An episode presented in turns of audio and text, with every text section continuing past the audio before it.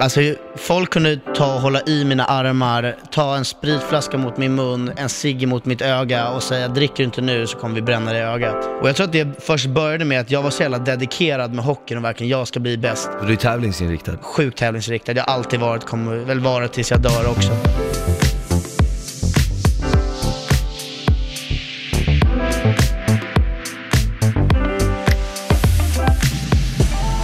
Ett stort välkommen till Jesper Bengtsson. Tack så mycket Smile. Läget? Det är fett bra med mig, hur mår du? Det är superbra, det är superbra. Jävligt kul att ha dig i studion. Och eh, du har varit med om väldigt mycket nu på sistone kan man säga, eller hur? Ja, det har varit oerhört mycket men eh, det har varit kul också. Det är många som drar igen och sånt nu när eh, du är i rutan. Ja, men alltså det är ju så sjukt för att vissa vänner eller tjejer som man har pratat med förut, som har tagit lite avstånd ifrån dem, ser som att de är lite finare i kanten. Så fort man hoppar in i rutan, då är det, ska vi ses på en bärs eller vi Det borde ses så, snart. va? Ja, men det borde ju du om någon Jag- veta, det jag- är vidrigt men det är jag så. minns, jag, det, jag, jag kan faktiskt minnas lite när jag tänker tillbaka så här 2014 när jag var med, att folk som aldrig hade skrivit till en, folk som aldrig hade, vissa tjejer som hade, som du säger, spelat lite svåra, lite så här ville från ingenstans träffas och ta en öl eller ta en fika. Och sen när man var lite så här, men ja, så nej jag är inte så sugen för vi har aldrig pratat. Ah, du har ändrat som fan, du har blivit så jävla... Ja, det är så sant, det är så sant. Vissa som man aldrig ens har följt, alltså som typ man har så här, ja men typ vi är vänner eller vi är bekanta, vi hälsar när vi ses. Mm. Och helt plötsligt så skriver de, har du förtjänt för att följa mig nu eller? Ja du är för att ses. Man bara, vi har aldrig hängt du och jag och vi har aldrig följt varandra heller så varför ska jag gå in och följa dig nu? Men varför, varför tror du att folk är så? Så fort någon får hype så blir de eh, jävligt taggade och vill vara best friends. Jag tror att det är folk som bara vill rida av ens 50, eller 15 minuter av fame om vi säger så. Alltså det är ju, jag menar man blir ingen superkändis genom att vara med i ett tv-program och hänga i tv-rutan men Alltså den lilla uppmärksamheten man får vill de vara med och ta del av och jag tycker att det är äckligt. Alltså jag vill ha folk som är genuina och vill hänga med mig för att jag är jag och inte för att jag har varit med i Paradise Hotel eller någonting sånt.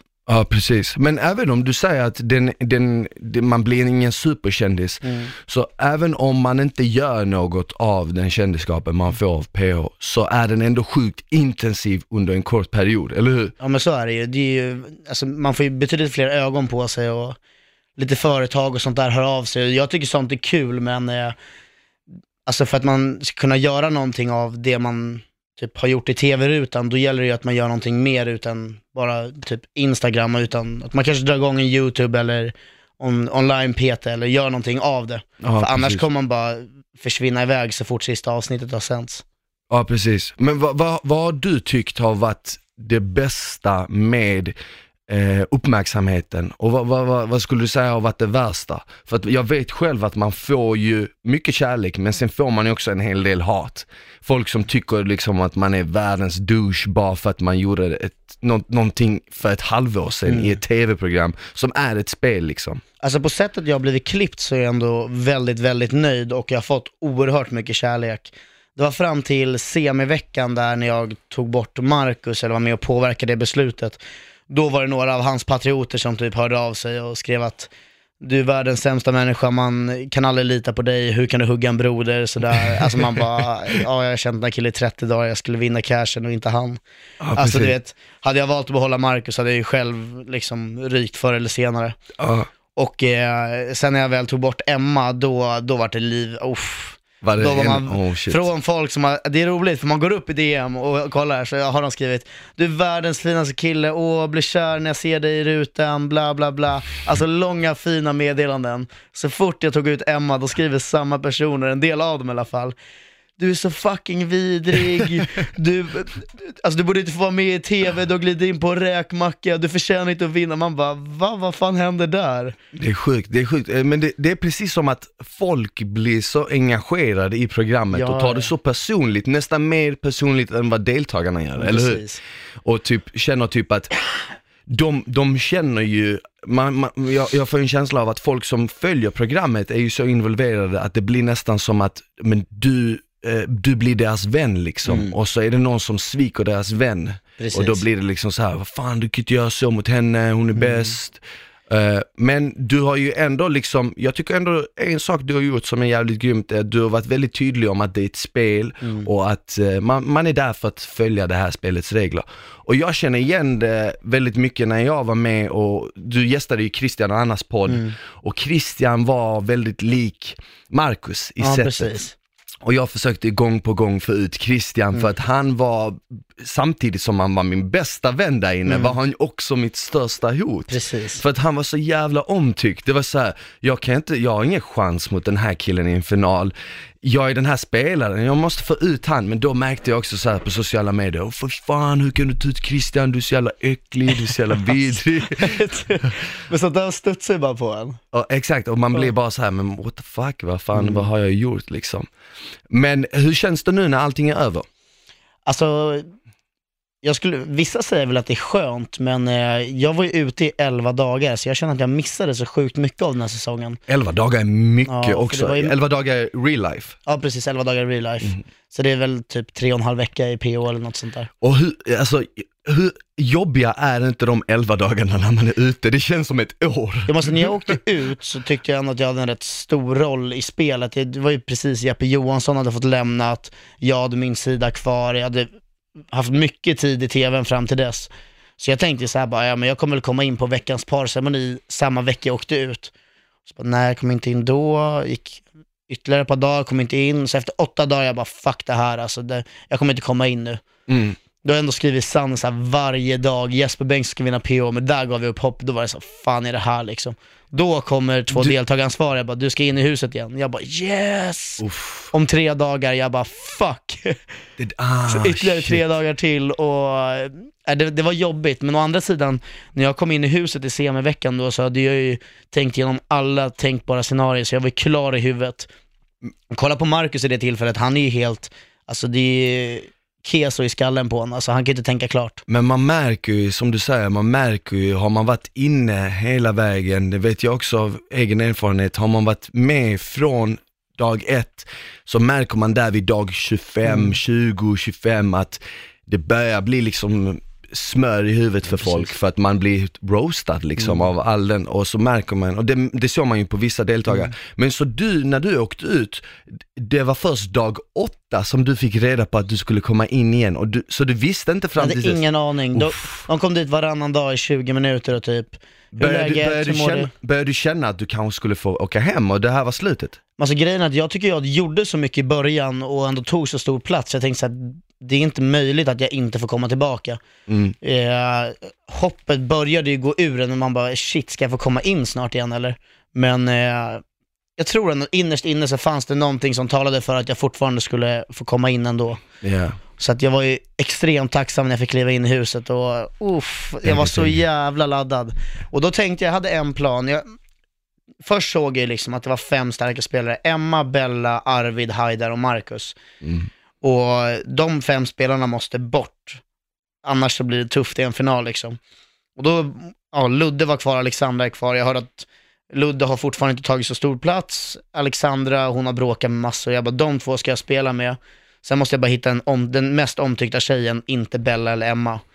Och då vart det HK och det lyckades på något sätt ta oss igenom hela vägen och vissa kan fortfarande sitta och säga att vi tog oss in på en räkmacka, men alla inne i huset hade möjlighet att byta ut både mig och Erika innan vi fick en makt att välja ut två personer, eller Erika fick två, makt att välja ut två personer som vi sen allihopa skulle rösta vem som fick stanna. Mm. Det var den makten vi fick. Nästa makt, det var ju för att jag hade balsen och våga gå på ödesceremonin och alltså ta kullen. Jag kunde lika gärna ha åkt själv. Alltså då hade, det, jag tycker inte det är en räkmacka. Nej. Det är lite flyt, men flyt hör väl till till spelet och Ja men det är som du säger, jag, jag, jag som kollade på det blev själv väldigt chockad över att ingen eh, tog er plats mm. i- så sent in på spelet liksom. Det är då man ska börja spela och då var det liksom att alla tog ett kliv tillbaka och ingen ville vara the bad guy Ja, som offrar sin partner hit och dit. Och vilket kostade väldigt många en plats i finalen, Mm. Precis. tyvärr, men så är det ju. Men sen hade vi någonting med den här med tårtceremonin. Men både den och beslutet där Erika fick välja två killar, det är fortfarande två beslut som, he- alltså, eller inte hela gruppen, tårtan kunde ju bara killarna påverka. Men det var ju inte jag som styrde vem som skulle åka, utan det, var ju Mar- det låg ju i Marks händer i slutet av dagen. Ja, precis. Men jag tycker det är så, det är sjukt och fortfarande än idag så är det folk som tar på sig offerkoftan och tycker synd om sig själv och säger att jag var mer omtyckt än dig, jag borde ha vunnit. Man bara, fast det handlar inte om vem som är mest omtyckt, det handlar om vem som spelar spelet bäst. Och när det är fyra personer som sitter där, då handlar det om vem som är mest omtyckt. Så folk spelar fortfarande på det liksom? Ja, alltså det finns folk från vår säsong som fortfarande inte unnar med vinsten och om jag ska vara helt ärlig, jag har en hälsning till er. Sug min röv. Men, men hur känns det då när du liksom kommer fram till finalen Mm. och du står där med HK och det utspelar sig som det gjorde. Kände du, kände du dig lurad där och då eller kände du fortfarande, fan bra spelat, jävligt bra spelat? Alltså jag var besviken på mig själv det första. Ja, För att jag fuckade för mig själv. Jag spelade Ice Cold och spelade på känslor och byggde upp tillit hela tiden. De sista orden jag sa till HK när vi är på väg mot kulceremonin, de är overkliga. Mitt hjärta talar, alltså du vet, jag har ljugit så mycket in i spelet, det är emot alla mina principer och svika en kompis också. Det är emot mina principer på utsidan. Och det jag säger till HK är, vad som än händer nu så är du och jag fortfarande vänner. Alltså vem säger så innan en kul ceremoni? Är jag dum eller? ja faktiskt. Så jag, jag, jag fick ju panik, så jag bara fan hur ska jag rädda upp det här? För det där var inte Jesper som talade, det var Jespers hjärta som talade. Mm. Så när vi kommer och plockar upp varsin kula och står mitt emot varandra så känner jag liksom att hon är ju, alltså hon är ju tokladdad, hon är ju liksom spänt upp ögonen i mig. Mm. Så att jag börjar göra grimaser och så här, pff, Ja, lipa ja. till henne, bara för, så här lätta upp, jag bara, det går inte. Så jag började flippa lite med kulan och skaka på armarna. Var Och... du, inte, var du inte rädd att hon skulle se- det som en signal att kasta Ja, liksom? men jag tänkte såhär, bara, hon kan inte tänka att han är så dum i huvudet att han står och, Ja. och gör såna här saker och sen maxar kulan på 500 så, här, Och jag bara, fan det funkar fortfarande inte. Så varje gång Rebecca la upp pengarna, då stod jag och blängde på det som att va, du lägger upp bajs på tallriken. Jag, Ja. pff, vad är det där Ja. för något? Och eh, det fick jag äta upp vid 300 000. Då stod jag och blängde på Rebecca också och eh, alltså det sjuka är att när HK kastar kulan så ser jag hennes ansikte emellan kulan och hennes kropp liksom. Hon har ju höjt den över huvudet när hon kastar. Shit. Hade jag bara kollat på henne hade jag ju hunnit kasta själv. Ja. Men eh, det är vad det är. Jag har fortfarande vunnit, men jag fick inga cash och eh, jag är jävligt stolt över min prestation där inne och sen får folk tycka och tänka precis vad de vill. Ja men du har spelat jävligt bra, du har haft en uppförsbacke för du har haft många som har velat ta ut dig och sen många som du säger inte har unnat dig vinsten. Mm. Var det något du kände när HK kastade kulan? Kände du liksom att de, nu fan var de andra riktigt glada liksom? Alltså man ser ju det på allihopa, att de är ju överglada att kulan kastades. Men eh, det var en person som var extra glad och det var ju Erika, den känsliga Erika Lindberg. Hon eh, stod i 45 sekunder och skrek att det var den bästa dagen i hela hennes liv. Ah, och eh, okej. då small det av för mig. Alltså jag var för, lugn. att, för att reta upp dig liksom? Ja, men jag gick och la tillbaka kulan lugn och ro och när jag kommer tillbaka så står hon fortfarande och hurrar och jag bara, det här är inte sant. Så då sa jag till henne att Erika, håll inte du käften nu, då kommer jag dränka dig i poolen. Vad Alltså det, då var det helt, vadå, vad har jag gjort? Det var alltså, jag är kompis med Erika idag, jag tycker hon är en fin tjej, men där inne alltså, jag vet inte om det finns någon som har varit värre i PH än vad hon var den säsongen, alltså det var, det var sjukt. Men ni är vänner idag? Ja, idag är vi vänner och eh, jag hoppas inte hon tar illa vid när vi sitter och pratar om det här nu, för det vi pratar om nu var ju det jag kände då och det som hände där och då. Men idag så tycker jag att hon är en fin kompis. Ja men det känns ju ändå som att det, det lilla jag har sett av Erika när hon har varit nere i studion och hälsat på sig i Studio Paradise, det är att ni är väldigt lika på det viset att ni skiljer spelet från verkligheten. Eh, vilket jag tycker är viktigt att kunna göra och det, det, det kan ju bara vissa inte göra, och inte bara deltagare utan även folk som tittar på programmet kan inte liksom, de förstår inte att okej men när du kliver in där är det nästan lite som att du kliver in i en karaktär. Precis. Du kommer ju inte ljuga varenda människa du träffar ute i Stockholm i ansiktet. Mm. Nej, du, träffar. du behöver inte, det finns ingen anledning till. Men där ser landskapet annorlunda ut. Ja, du måste ju liksom hitta på en massa saker. Mm. Eh, men eh, är det här sista programmet vi ser dig? Kommer du dyka upp i fler eh, program kanske i framtiden? Alltså jag tycker ju tv är kul att göra, så att, Mm. eh, förmodligen blir det väl inte sista. Nej. Och eh, nu har jag hållit på med ett program som heter eh, Paradise Hotel efter festen. Ja, ja, ja. Så att vi får följa, vi är sex karaktärer, så det är jag, Emma, Paulina, Marcus, Bella och Arvid. Okej. Så eh, då är det typ så lite vloggkänsla, så att vi gör typ, de får följa med oss i vardagen med en twist och så filma oss själva liksom. Ja, precis. Och eh, jag har väl tagit någon tjej på någon drömdejt, jag har eh, typ eh, grillat lite korv med en polare, alltså vet, nu ska jag inte spoila för mycket, men det Nej. kommer komma lite saker och det kommer bli kul att se tror jag, men eh, det beror på, helt och hållet på hur de klipper allting. Det kan bli lite B också, men jag tror att det blir bra. Mm. Har du tjej i dagsläget?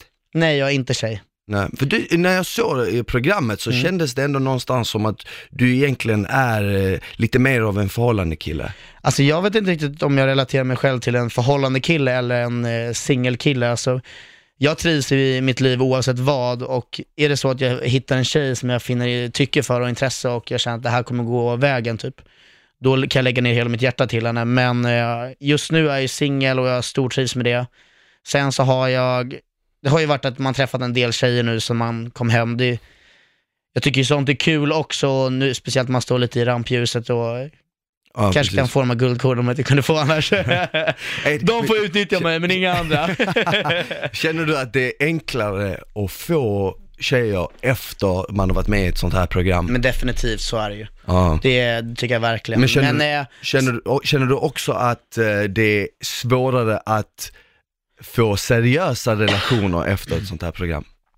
Förstår du vad jag menar? jag vet inte, alltså jag har ju, efter det här så har jag faktiskt under en tid har jag dejtat en tjej som det har faktiskt varit lite så här småseriöst. Och jag tyckte om henne och eh, nackdelen bara är att vi bor i olika städer så det funkar inte så bra. Okej. Men sen så, jag menar, bor i olika städer, vi har sett ett par gånger, om hon vill träffa andra, jag menar, man kan jag är inte den killen som är öppen, eller öppen, jag, jag vet inte om jag är killen som vill ha ett distansförhållande, jag vill kunna träffa någon spontant liksom. Ja. Så att så länge vi bor i olika städer så tror jag inte det kommer bli något, men den dagen man kanske bor i samma stad så kanske jag är där.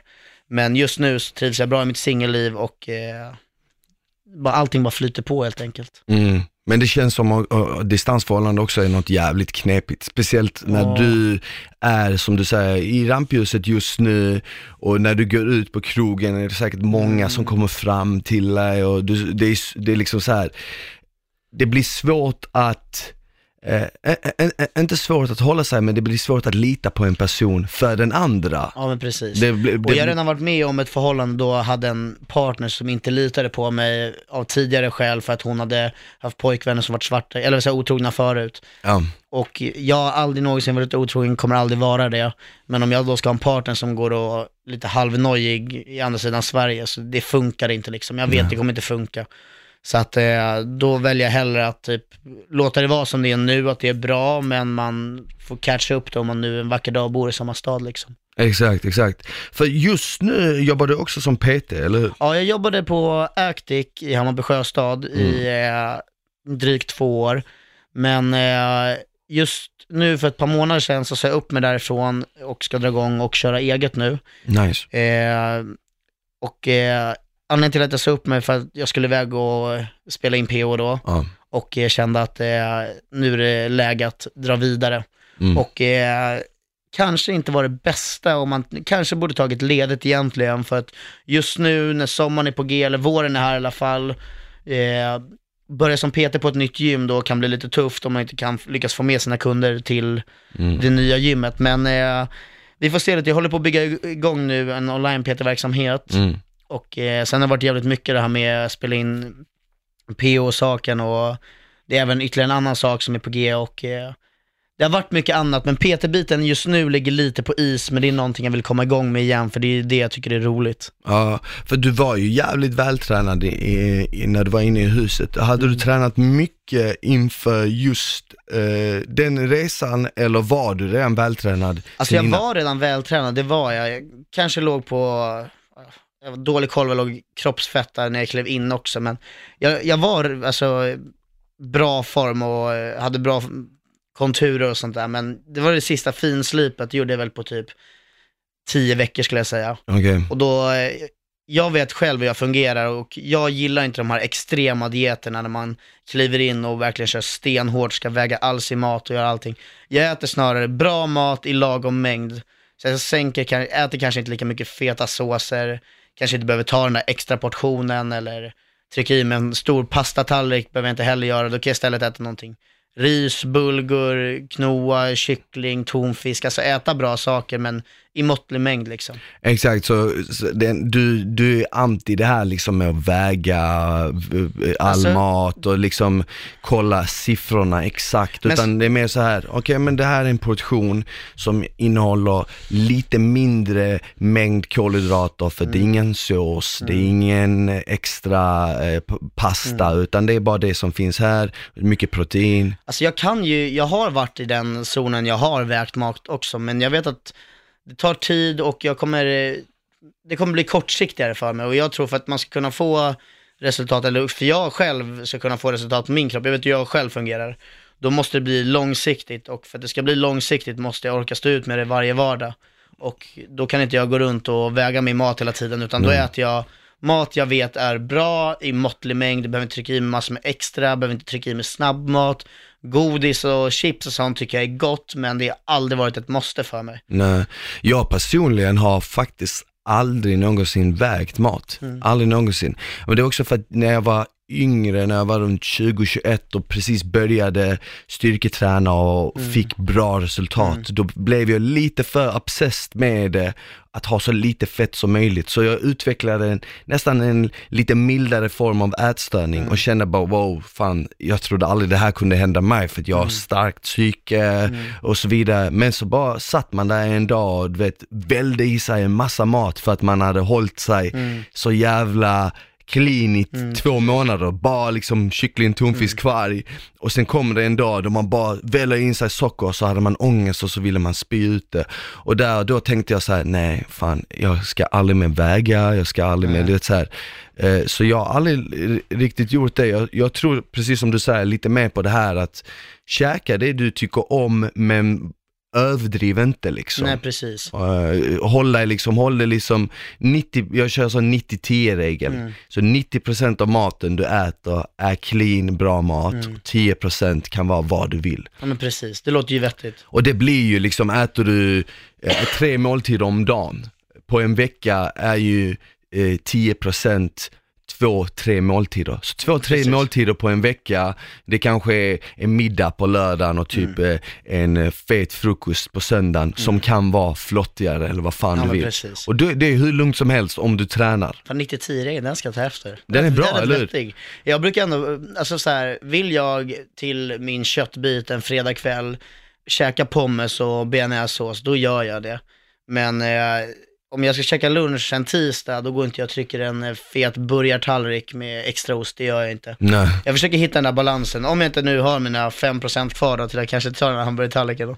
Jag ska börja. Men, men vad, vad kör du? Gym eller kör du crossfit? Eller? Alltså jag har testat på det mesta. Eh, jag skulle väl säga mest att jag har kört, eh, alltså jag är ju hockeyspelare från grunden. Så att det har ju varit högintensiv styrketräning, lite crossfit-inspirerat. Men eh, de senaste åren har det varit mer typ styrketräning, alltså i vanlig form. Och nu är jag väl typ på senare tid, innan jag haft, nu har jag haft ett litet break här på ett tag, har varit mycket annat emellan, men eh, gav mig in lite på det här med calisthenics. Jag tycker det är jävligt fett att kunna göra saker med sin kropp och inte bara se jävligt bra ut. Det är faktiskt jävligt häftigt. Ja, precis. Så jag skulle vilja bli bättre på det, men sen så vet jag ju själv vem jag är och jag är jävligt utseendefixerad och, och det står jag för. Jag vill ha magrutor, jag vill ha sköna bröst liksom, men jag vill samtidigt ha en kropp som fungerar. Gå runt och ha ont i en axel och se skitbra ut, det är ju inte värt det heller liksom. Nej, du kan ju fortfarande få en väldigt, en väldigt så här slimmad, definierad fysik bara genom calisthenics. Mm. Ja, så är det, så är det. Eh, Det går oftast när man kollar på de som utövar det väldigt mycket, har de, du kan inte ha mycket fett på kroppen. Mm. Du, du måste ha så lite fett som möjligt för att dina muskler ska liksom palla hålla dig uppe. Precis. Det är nästan lite som när man kollar på klättrare. Mm. De, du har ju aldrig sett liksom en stor klättrare, utan de måste ha så lite fett på kroppen som möjligt Mm. för att liksom deras muskler ska eh, hålla uppe det. Men precis. vad fick dig att sluta med hockeyn? Alltså, jag lirade hockey i, jag har gjort det hela mitt liv, nu är jag 23, s- slutar väl någonstans kring typ 2021, började ta av. det var inte så mindre. länge sedan. Nej, men det var väl, jag satsade på hockeyn från att jag, ja, från jag var hur liten som helst till mitt andra år i J20, då spelade jag i AIK J20 Superelit. Eh, och hade spelat i AIK i då i tre och ett halvt år tror jag det var. Jag gick dit i U16 och spelade där U16, J18, J18 och ett J20, jo, påbörjat J20-år ja, precis. Och kände väl typ, det var mycket skador och eh, just AIK där jag spelade då, i det laget, det var väldigt hård hockeymiljö och eh, det var mycket så här typ, tryck ner varandra för att eh, känna sig bättre själv typ. Och så stod det mellan mig och en annan kille som idag har lyckats rätt bra med hockeyn. Men eh, vi hade väldigt hett temperament och det såg de andra grabbarna så att då eh, njöt de och såg det som en underhållning att eh, typ kasta ihop två pitbulls så de började jiddra och bråka. Ja. Så att det, var mycket, det var mycket skit, alltså det var ingen, inte alls en så här lagstämning som man kanske kan finna i, om man typ kollar högre upp mot exempelvis Modo och Leksand eller de som jag hade lite vänner i som, alltså det var som en familj där, Ja. vi var inte som en familj, vi var liksom som yra höns som hetsar varandra liksom. Ja, men vissa lag har bara Mm. den atmosfären. Jag minns själv när jag spelade fotboll, nu slutade jag när jag var 16, Mm. men jag spelade i ett lag eh, som, där det var många talanger Mm. som senare gick vidare och spelade i allsvenskan och sånt. Och oftast när det är ett lag där många är duktiga, eh, och beroende på tränaren, Mm. hur tränaren är, då kan det bli en sån här rivalitet. Det är typ precis. som ett, ett zoo med 20 lejon som bara väntar Ja, på precis. att bli det bästa. Och det är det som blir lite fel för att alltså, lagidrotten i sig ska man bygga ihop som ett lag men vi hade jävligt mycket duktiga individer i vårt lag men eh, vi fick liksom inte ihop det. Det är därför det gick som det gick för oss också. Men anledningen till att jag slutade var väl, jag hade jävligt mycket problem med mina axlar och eh, hade även lite grann med knäna och jag kände så här att det var så många motgångar till slut och när man väl jobbade sig tillbaka och körde reb, det var inte så mycket speltid. Jag bara, alltså orkar inte det här. Varför ska jag träna 14 gånger i veckan när Det var så många pass alltså. Ja, alltså det, var, det var hockey varje dag typ. Mm. Alltså hela tiden och bortrest varannan helg. Jag kände, det var en jävligt rolig tid men det nådde sitt slut liksom och det var typ, kom till den här perioden att antingen nu när jag går ut gymnasiet ska jag antingen satsa på hockeyn stenhårt och kanske leva som en fattig eh, och hoppas på att det blir ett jobb, eller typ att hockeyn blir ett jobb framöver. Alternativt så passar jag på att göra någonting annat. Mm. Och eh, jag känner så här, men det finns mer i livet än bara hockey. Mm. Så att eh, jag valde att hoppa av det och knappt ett år efter så var jag med i mitt första tv-program Temptation Island då. Just det, Eller det kanske var ett och ett halvt år efter det. Men då var jag med där och tyck, fick upp ögonen för det, hade svinkul. Lärde även känna Marcello som en av mina bästa vänner idag. Mm. Och eh, därefter har vi hunnit varit med i ja, PO nu och eh, vad fan var det mer? Hemliga beundrare. Ja, Riktigt bra program. men är Men, det, eh, så, så, och jag är långt ifrån klar där. Jag har lite andra saker på gång så att det, jag älskar mitt liv nu. Jag ångrar inte att jag satsade på hockeyn förut. Eh, jag lirade fortfarande hockey är det, Mälarö och Ekerö och Skå i, i ett par års tid, men eh, till slut så var det liksom att det tog för mycket tid. Jag gillade att resa för mycket och det gäller ju någonstans att prioritera kanske ett jobb framför division 3 hockey. mm. Och när jag jobbade som PT älskar jag mitt jobb så mycket, mycket kvällsjobb och det tillsammans med alla de här roliga eventen och det man fick gå på gjorde att hockeyn kom lite åt sidan. Sen säger jag inte att det är omöjligt för en comeback, men eh, just nu så ligger det lite på hyllan. Ja men det är ju som du säger, jag, jag vet själv genom fotbollen eller bara genom styrketräningen att vill du nå liksom toppen av något som, eh, som för, för att spela liksom i AIK eller i Sverige som hockeyspelare, då, då är du verkligen toppen, toppen för att Sverige har ju väldigt bra hockey. Eh, och att liksom komma till den punkten, då måste du ge 110% bara till hockey. Det är inga utgångar, inga liksom tjejer, ingen TV, inget sånt, utan du måste vara dedikerad. Från att du vaknar till att du lägger dig ska du andas hockey liksom. Och jag, jag vet själv liksom när, när jag har haft, när jag varit, varit i allra bäst form rent kroppsmässigt, de gångerna har jag lagt ner mer tid på styrketräning och mat och diet än någon annan gång. Eh, för att det är det som krävs liksom. Men kände du också att efter du slutade med det så var det så mycket tid helt plötsligt till en Ah, massa shit. annat. För du, du, du säger att du kör 12 pass i veckan, Mm. så hur många timmar om dagen måste det vara till bara göra något annat liksom efter det? Nej, men alltså jag, när jag, gick, i- jag gick i Solna gymnasium och bodde på Ekerö och eh, emellan, vi säger att jag slutade typ klockan ett, men började träna vid fem typ, då var det fortfarande så här, det är för kort tid för att åka hem till Ekerö, det tar 45 minuter dit, sen tar det en och en halv timme tillbaka med rusningstrafiken. Ja. Så jag åkte ju till ishallen och hängde där och jag hatar att plugga när det är folk runt om mig liksom. Mm. Så jag fick inget vettigt gjort där heller, så det var mycket dödtid. Jag har hängt extremt mycket dödtid i Solna.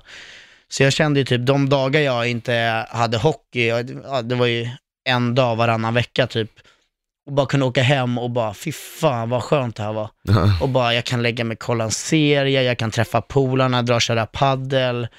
Alltså, eh, typ kolla en hockeymatch tillsammans med någon eller dra, alltså, dra iväg på något. Det var ju helt underbart, så att när jag slutade så kände jag bara, alltså tiden var ju typ den dubbla om inte mer liksom. Ja. Sen kände jag väl även under tiden, precis innan jag valde att lägga ner med satsningen på hockeyn då, så kände jag att typ när vi gick till gymmet skulle göra spänstträning eller, alltså du vet sån här hockeyfys typ, då kände jag bara fan jag vill lägga mig i bänkpressen och köra, jag vill köra upp bröstet liksom Ah, och köra. Jag, jag, utseendet började väga mer än vad funktionen på kroppen gjorde. Ja. Och då kände jag så här, okej men det här kanske inte riktigt är rätt för dig just nu Jesper. Du har haft det sjukt kul men kanske dags att blicka framåt och göra det du faktiskt tycker är roligt. Och det står jag för än idag, alltså jag menar, det är mycket folk som stannar kvar på sina jobb bara för att det är ett jobb, eller stannar kvar i sitt förhållande bara för att det är ett förhållande. Men jag lever och tror på att man ska göra det som känns bäst för stunden. Sen är det klart, man alltid har motgångar i ett jobb eller ett förhållande eller vad det är. Men någonstans gäller det att komma till sig själv och fråga, är det här verkligen värt det? Vill jag göra det här? Eller, för alla har, alltså, det finns jobb idag som folk inte ens tror är ett jobb, utan det är så här, vadå, är det där ett jobb för att betalt för att göra det där? Alltså, ja. ja men det, jag förstår dig du kan göra till hundra. vad du vill, det gäller bara att vara kreativ och, och våga. Våga Ja, verkligen. det, jag förstår det till hundra. Jag får ju många gånger frågor av eh, liksom gamla vänner, men vad, vad jobbar du med? Inte lika mycket nu som förr, Mm. men s- äh, vad jobbar du med? Och så f- förklarar man och så får man samma fråga av samma person Mm. en månad senare. Men vad jobbar du med? Det är precis som att folk förstår ju inte riktigt att du kan, om du verkligen lägger ner tiden, så precis som, precis som du eller jag skräddarsyr ett program till en klient, Mm. en kostschema, ett träningsprogram som de ska följa för att, eh, för att, för att gå ner i vikt eller för att bli starkare eller för att liksom komma in i rutiner. Precis som du kan skräddarsy ett träningsprogram till någon, så kan du skräddarsy ditt eget liv. Precis. Du kan liksom, du kan liksom kolla på dig själv eh, utifrån liksom och bara, men vad gillar jag? Jag, jag, jag gillar att träna, jag gillar att sitta så här och prata med folk, jag gillar att eh, stå framför kameran. Varför gör jag inte det då? Och så får man liksom jobba för Ja, det. Det är inte liksom, det tar ju inte en natt. Nej, nej, det tar ju inte en vecka. Men om, om du verkligen tycker om det så kommer du göra tid för det. Ja, eller hur? Och, och, och så kan du liksom jobba på det, precis som du säger nu att du la ner hur mycket tid som helst på hockeyn Mm. och det gjorde dig väldigt bra. Och jag tror också att där någonstans så lärde du dig, okej, hmm, men om jag tar den här kraften, energin jag har lagt på hockeyn Mm. och lägger den på något annat, varför skulle jag inte kunna eh, eskalera Lyckas inom det? Precis, precis. Men jag kände väl också under den här hockeytiden liksom att jag var ju så dedikerad redan från alltså, barns ben, typ att jag prioriterade bort väldigt mycket saker när, alltså i tidig ungdom. Typ när folk ville börja feströka eller röka allmänt bara typ så på skoltid eller gå ut och festa. Jag drack inte en enda droppe alkohol, inte, alltså, inte ens 0,7% i cider från Lidl innan jag fyllde 18. Det är så pass. Ingenting. Alltså folk kunde ta och hålla i mina armar, ta en spritflaska mot min mun, en cigg mot mitt öga och säga dricker du inte nu så kommer vi bränna dig i ögat. Alltså jag har varit med om den situationen. Men jag, jag vägrade, inte en droppe. Det var samma sak typ på julafton när morsan skulle göra glögg. Jag bara, är det alkohol i den här glöggen? Hon bara, ja men den kokar bort. Jag bara, aldrig i livet, jag ska, jag ska ha alkoholfri glögg, rakt av. Jag var stenhård på det. Mm, mm. Och jag tror att det först började med att jag var så jävla dedikerad med hockeyn och verkligen, jag ska bli bäst, jag ska bli bäst. För du är tävlingsinriktad. Ja, sjukt tävlingsriktad. Jag har alltid varit, kommer väl vara tills jag dör också. Men eh, sen så ledde det väl typ, när jag var typ 16, 17 där, då sa mina föräldrar, de tänkte så shit Jesper kommer ju inte dricka alkohol, bara, men vi gör någonting som är snällt för honom och sen får folk- kalla mig bortskämd eller vad de vill. Och då sa mina föräldrar att eh, drick inte du alkohol eller tar något tobak innan du fyller 18, så står vi för ditt körkort. Mm. Och eh, då var det ytterligare så en liten milstolpe liksom. Och, Ja. fan, jag har inte druckit förrän nu, varför ska jag dricka då? Ja, verkligen. Så att eh, det Men- är väl någonting jag är stolt över mig själv fram Och- jag var 18. Men Det är grymt och klarar man att hålla sig under den perioden, Mm. då klarar man fan att hålla sig när som helst. För det är då, du säger ju själv liksom, folk har hållit i dina armar Mm. och hållit en cigg och äh, alkohol mot dig och du har ändå inte tagit. Och det är nästan precis som att i den åldern så är det så här att om du inte dricker så är du konstig. Ja. I alla fall de häftiga kretsarna om man ska kalla dem så. Det är liksom så här när man är 15-16 och kommer till någon hemmafest och alla är superpackade och folk skryter om hur mycket öl de kan Ja, dricka. precis. om du liksom kommer in där och bara säger jag dricker inte, då är alla så här, va? Vem Mm. fan är du? Precis. Men jag påstod lite typ, jag har alltid varit extremt social och framåt och jag påstod alltid att jag blir typ full i luften om folk runt om mig är så här framåt och, och ja, packade, för Mm. folk blir lite mer framåt och mer packade. Då kände jag att då blir jag också det, så jag bara hängde med i festen ändå, så jag hade ingenting att relatera till att, jaha det är så här det är att vara full. Så jag, första gången jag drack, det var när jag fyllde 18 då, så gick jag ut med två polare och satte mig på Lion Bar och så tog jag två sidor och så kommer de in med shotsen. Tog vi varsin shot, jag, de bara nej nu går vi shottar igen. Jag bara nej alltså jag har druckit två sidor och tagit en shot. Jag kommer bli dyngrak. Jag, 18 år, de bara alltså jag sprang inte relatera till, du kan vara lugn. jag har druckit två sidor. Men du, kommer du ihåg den fyllan? Kommer du ihåg den? Ja, men jag trodde ju liksom, jag var ju jävligt nojig den fyllan för att jag skulle bli dyngrak, Ja, för ja. jag visste inte vad gränsen var. Så den vart rätt mild. Okej. Det här var samma dag jag fyllde 18 och alltså, jag kände mig väl typ salongs då. Ja, jag ja. vågade riktigt inte passera den här gränsen. Sen kommer jag ihåg däremot, jag styrde en episk 18-årsfest. Jag eh, tog in fyra polare från Solna gymnasium, stora vältränade invandrarkillar som ser ut som att de är 35 liksom. Håller på med kampsport allihopa och alla kommer med svarta kläder, var som dörrvakter där. Vi bjöd dit, morsan bara, ja men bjöd dit mest 40 pers typ.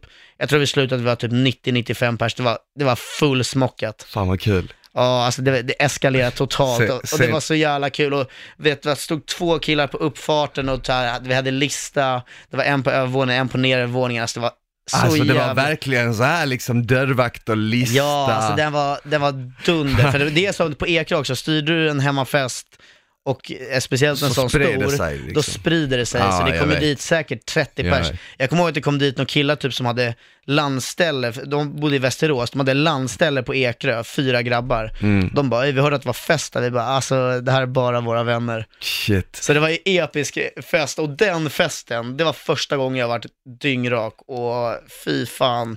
Jag hade så oerhört kul och det var mycket snygga tjejer men jag brände broar på broar på broar då.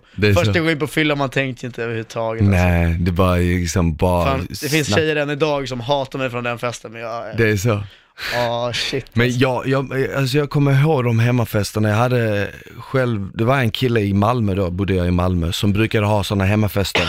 Och han hade så feta hemmafester och jag var chockad första gången jag kom dit. Då, han bodde i en lägenhet, inte jättestor lägenhet, men jag var ett, jag var förvånad hur många människor som fick plats i en lägenhet faktiskt. Om man verkligen, verkligen tryckte in folk. Och två, eh, att det var så strukturerat. Du kom dit, du fick en nummerlapp för din jacka. Så han hade ett garderobsystem hemma hos sig.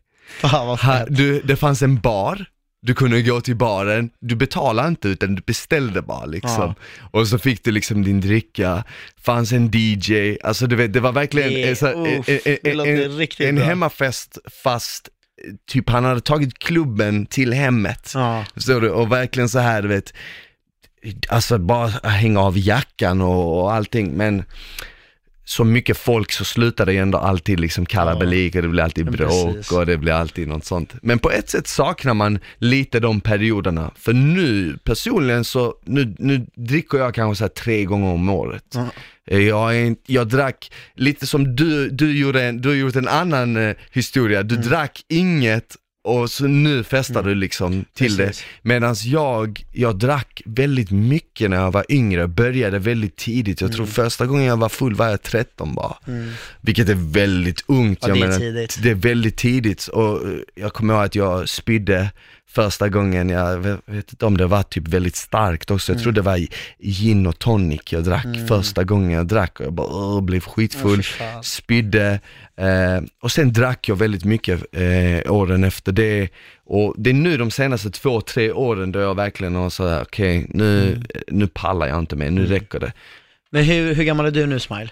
28. 28, ja. Jag är 23 nu och jag tycker jag har haft jävligt bra balans i livet och Mm. det finns vissa perioder man festar mer än andra. Men eh, nu efter PH så har det varit för mycket fest, det kan jag stå för. Det har varit för mycket fest. Det har varit jävligt kul för stunden, men jag känner väl lite nu också att kroppen tar ju emot och jag är, älskar ju träning och den livsstilen så att jag har väl typ kommit till en sikt så att nu ska jag till Kosovo nästa vecka. När jag kommer hem sen så ska jag träna. Vad ska du göra i Kosovo? Spela in en musikvideo med en polare från, ja, Kevin eh, Edmond från eh, säsongen som var nu. Aha, är han från Kosovo eller? Ja, eller, nej han är från Chile men han bor i Kosovo nu och gör musik. Han har gjort några feta musikvideos. Det är så? Ja, så att vi ska åka dit. eh, Häftigt. Han, eh, en tjej, eller tjejkompis till oss som heter Linda Okej, och eh, Fabio som har kaosat sönder i Ex on the beach i år. det är så? Ja, så vi ska åka dit och spela in den musikvideon och vara där en vecka så det ska bli svinkul. Fan vad häftigt. Fan Jag tror inte det kommer bli den lugnaste resan, men därefter, folk kanske säger att det är ju sommar man ska festa och ha kul, men jag har haft den perioden redan innan nu och känner att jag kommer inte må bra om jag Nej. fortsätter så hela sommaren. Så att eh, jag ska ta faktiskt den här sommaren till att lägga ner lite mer vett och fokus på de viktiga bitarna. Sen är det klart att det kommer gå på någon, en annan fest på Mr French och lite sådär, Ja. men eh, inte supa eh, liksom Nej. varje Alltså, dag. men man kan ju gå ut, jag är också så här, jag kan gå ut och bara i själva atmosfären bl- bland folk som är fulla, redan som jag själv är väldigt positiv, väldigt Mm. energisk, så jag känner inte, jag behöver inte den här extra boosten som jag får, uh, som Alkohol. alkoholen kan ge, utan jag får den extra boosten av människor som är taggade. Mm. Du vet, att bara träffa en ny människa på krogen, tja vad gör du, vad gör du? Och så är de fett glada, då blir jag själv glad. Mm. ja, precis. Och då, då känner jag bara så här, fan alltså jag har haft jävligt kul, nykter. Jag minns att ett år var jag ute i ett helt år och drack inte en droppe alkohol. Och då, var jag, då jobbade jag fan med nattklubbar, jag drack inte. Och folk sa alltid till mig, eh, här ta en shot, jag bara nej jag dricker inte. De bara va? Är, inte, är, du, är, är du inte full? För de trodde att jag var full liksom, för att jag var så här, Precis, jag bara precis. nej jag är inte full. Och fördelen med att gå ut nykter, det är ju också att när du vaknar dagen efter så är det liksom, Ja, ja, du vaknar lite senare men du är helt pigg och helt Ja, kry och allting. Så det är ju det som är skönt. Eh, Precis. men eh, vad händer härnäst då för dig? Det som händer härnäst, eh, ja det blir då Kosovo nu nästa vecka, eh, kortsiktigt, men sen så ska jag bygga igång den här, det går lite trögt nu med den här online-peten, jag ska gå en kostrådgivarutbildning efter sommaren, men jag måste ju komma igång på något sätt, men eh, kicka igång med det, och sen en väldigt långsiktig plan tillsammans med vän håller jag på att bygga en applikation nu, Mm. kommer inte gå in exakt på detaljer, men eh, det är en bra idé vi har i alla fall, Mm. som kommer bli eh, jävligt fet, men den kommer ta sin tid. Okej, okej, okej. Sen så vill jag ju på något sätt utnyttja lite det här med sociala medier. Ja. Men eh, någonting som är en jävla bov med det där, det är att om man kollar idag, de som är med i dokusåpor, har en stängd profil, då får du typ 4-5 gånger så mycket följare. Det är så? Men är det så att du har ett öppet konto så får du ju exponeringarna som kanske företagen är ute efter som du vill hitta då och köra samarbete med för att kunna tjäna in pengarna. Okej. Och jag har ju kört lite både och. I början var jag stängd och sen var jag öppen, sen var jag ut från huset. Så att jag har inte fått den reaktionen på min Instagram den här gången som jag trodde jag skulle få. Mm. Men eh, vi får se helt enkelt. Samarbetena har börjat trillat in, men det är väl, gäller väl typ att skapa sig lite eh, historia och kunna hänvisa lite. Så här gick det här, så gick det, kolla min Ja. försäljning här innan allting rullar igång. Så får vi se om det kanske blir en inkomstkälla framöver, men just nu så, eh, så gäller det liksom att hitta någonstans an, någon annanstans att tjäna in pengarna. Sen så skulle jag kunna gå runt hela sommaren och bara njuta och ha kul och lägga min fokus på den här PT online-biten, men eh, jag vet att jag själv kommer ruttna eh, som person, men den ekonomiska biten kommer jag klara mig, men som person kommer jag ruttna då. Så jag vet inte riktigt exakt vad planerna är. Det är lite diffust annorlunda, eller just nu, men vi får se helt enkelt framöver. Ja men jag, jag, jag förstår dig där lite. Jag, första gången jag själv var med var jag 23 Mm. eh, och när jag kom tillbaka då hade jag typ, ja men två, tre månader innan programmet sändes då jag fortfarande var smile. Folk visste vem jag var i Malmö men inte liksom i Umeå. Sen slog det igenom programmet och så fick man en jävla hype. Och nu, idag ser ju mitt liv helt annorlunda ut än vad det gjorde då. Då var det extremt mycket fest och, och samtidigt som jag någonstans aldrig skulle vilja gå tillbaka till det livet idag, så är jag jävligt glad över att jag levde ut det så fullt där och då. Så ja, personligen, hade jag varit i dina skor så hade, känner jag lite så här, allt i livet har sin tid. Jag tänker så här, varför inte leva varje kapitel fullt ut? Ja, Som du är i ett kapitel där det är, där det är mycket fest, mycket liv, var inte halvgravid. Ja, Förstår du vad jag precis, ja, menar? precis. Gå fullt ut. Tryck ut ungen Eh, istället. exakt, Gå fullt ut för att sen när du kommer till den perioden där du känner, okej nu är jag 25-26, nu är det dags att skärpa Mm. sig. Då går du fullt in i det. Och du vet, inte stå med en fot i, vattnet och en fot på land liksom, precis, utan hoppa precis. i hela vägen. Ja. Så känner jag. Och jag är glad att jag gjorde det när jag var 23-24 och Mm. spårade verkligen eh, under den perioden. För att det blir också så här roliga historier man kan liksom Ja, ja, komma ja. på och hålla. Jag har hört en annan sjuk historia om det. Och jag, jag kan tänka mig att du har en sjuk ja, också. ja, jag har en del. Vi, vi, vi, vi måste ta det i ett annat avsnitt. Det har varit jävligt kul att ha dig här Mm. Jesper. Var hittar man dig? På Instagram? På Instagram heter jag Jesper Bengtsson med ett S i Bengtsson. Okej, har du någon YouTube-kanal? Tyvärr inte. Okej, jag okej. funderar på att starta upp men det är ingenting som eh, ligger eh, aktuellt just nu. Okej, men grymt. Mm. Sa jag, eh, om ni vill checka in Jesper, checka in han på Instagram, Jesper Bengtsson. Sjukt kul att ha dig här. Tusen tack Ta för att jag fick komma. Ha det bäst. Kärlek och heder, feta mopeder. Ciao!